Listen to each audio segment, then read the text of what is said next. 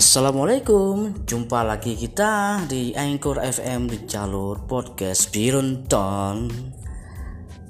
Arti kata stres, apa itu stres?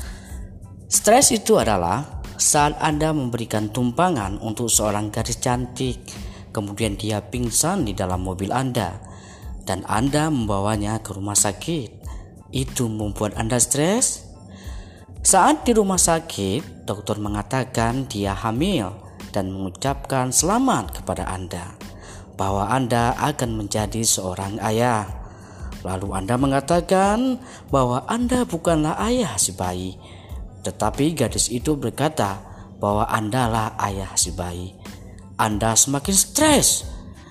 Kemudian Anda meminta tes DNA untuk membuktikan bahwa Anda bukan ayah si bayi.